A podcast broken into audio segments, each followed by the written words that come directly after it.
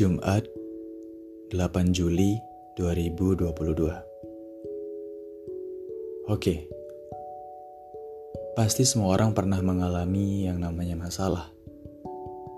Karena memang hidup itu tempatnya masalah. Gak ada satu manusia pun yang luput dari yang namanya masalah. Pasti semua mengalaminya.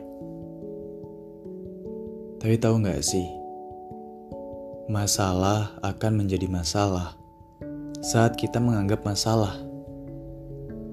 Iya, jadi sesuatu yang terjadi itu akan menjadi masalah. Itu sebab anggapan kita. Kita memaknai itu sebuah masalah, maka terjadilah masalah. Padahal, ketika seseorang mengalami peristiwa dalam hidupnya, saat itu menurut saya merupakan babak baru untuk menuju suatu keadaan yang lebih baik, menuju suatu keadaan yang penuh makna. Jadi kayaknya nggak adil banget kalau kita menghardik keadaan yang sedang kita alami. Kayaknya lebih baik untuk menikmati, menyadari apa pun yang terjadi.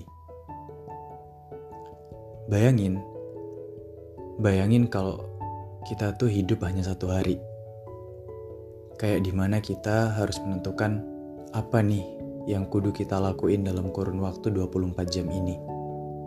Mulai dari bangun tidur sampai tidur lagi.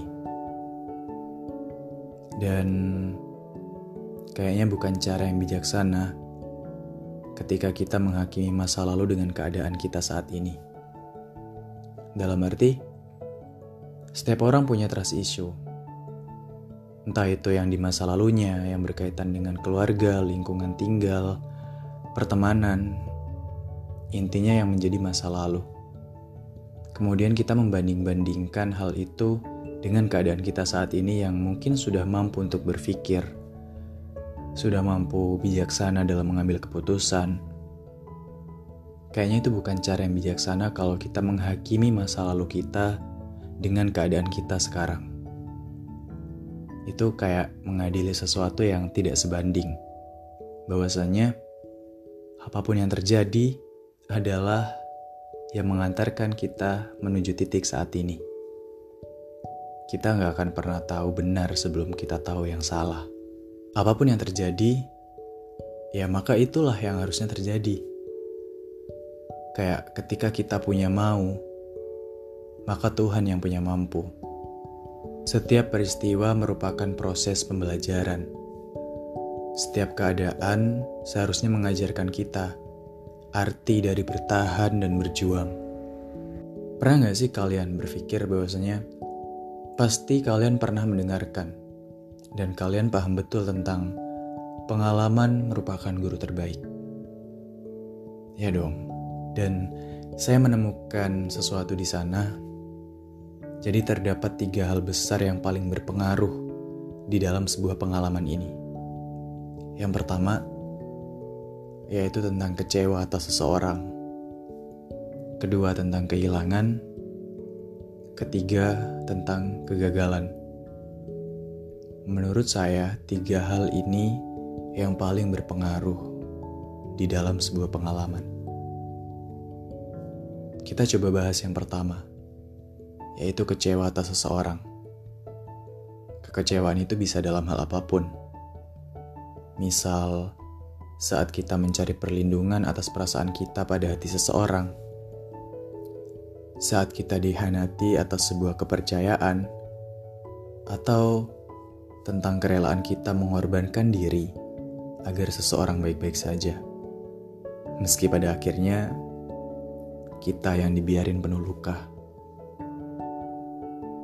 Yang kedua, kehilangan. Saat di mana orang-orang di sekitar satu persatu menghilang. Entah sebab seseorang itu pergi dengan sendirinya atau waktu yang mengambilnya dari kita. Bisa diartikan sesederhana mungkin bahwa setiap orang akan kehilangan apa pun bahkan dirinya. Ketiga, kegagalan. bahwa kita harus mengerti kata sabar atas banyaknya percobaan. Menguji diri menurut saya bukan tentang seberapa tangguh kita menghadapi setiap tantangan, melainkan tentang selapang apa hati kita atas berapa banyaknya kegagalan. Sudah sepatutnya kita arif mengambil keputusan, bijaksana dalam menerima keadaan Coba kita kembali ke konsep awal tadi, bahwasannya sesuatu hal akan menjadi masalah ketika kita menganggapnya masalah. Uh, saya menyadari beberapa hal pada cerita orang-orang. Mereka menemukan sesuatu ketika sedang menghadapi masalah, bahwa ada pesan tersirat atas keadaan yang mereka alami mereka mengartikan apa-apa saja yang tampak dan tidak tampak. Jadi, ketika seseorang sedang berada pada kondisi tertentu, dia akan mengartikan sesuatu apa yang bisa dia rasa, apa yang bisa dia raba, apa yang bisa dia dengar. Dan seseorang juga akan mengartikan apa di balik semua itu. Kayak pesan-pesan yang tersirat di balik semua itu. Dan mereka pada akhirnya dapat memahami bahwasanya pada setiap kejadian selalu memiliki sisi baik dan buruknya. Pasti seperti itu. Tapi menurut saya, mungkin mereka juga salah dengan mengartikan kedua hal itu. Mengartikan apa yang tampak dan tidak tampak. Mengartikan yang tersurat dan tersirat. Kenapa harus mengartikan kedua hal itu? jika kita bisa memilih untuk tidak mengartikan keduanya. Dalam arti tidak mengartikan apa pun. Apa-apa saja yang datang, biarkan saja seperti itu. Tidak memperasangkakan apa pun. Tidak mengartikan apa pun. Hanya biarkan terjadi begitu saja.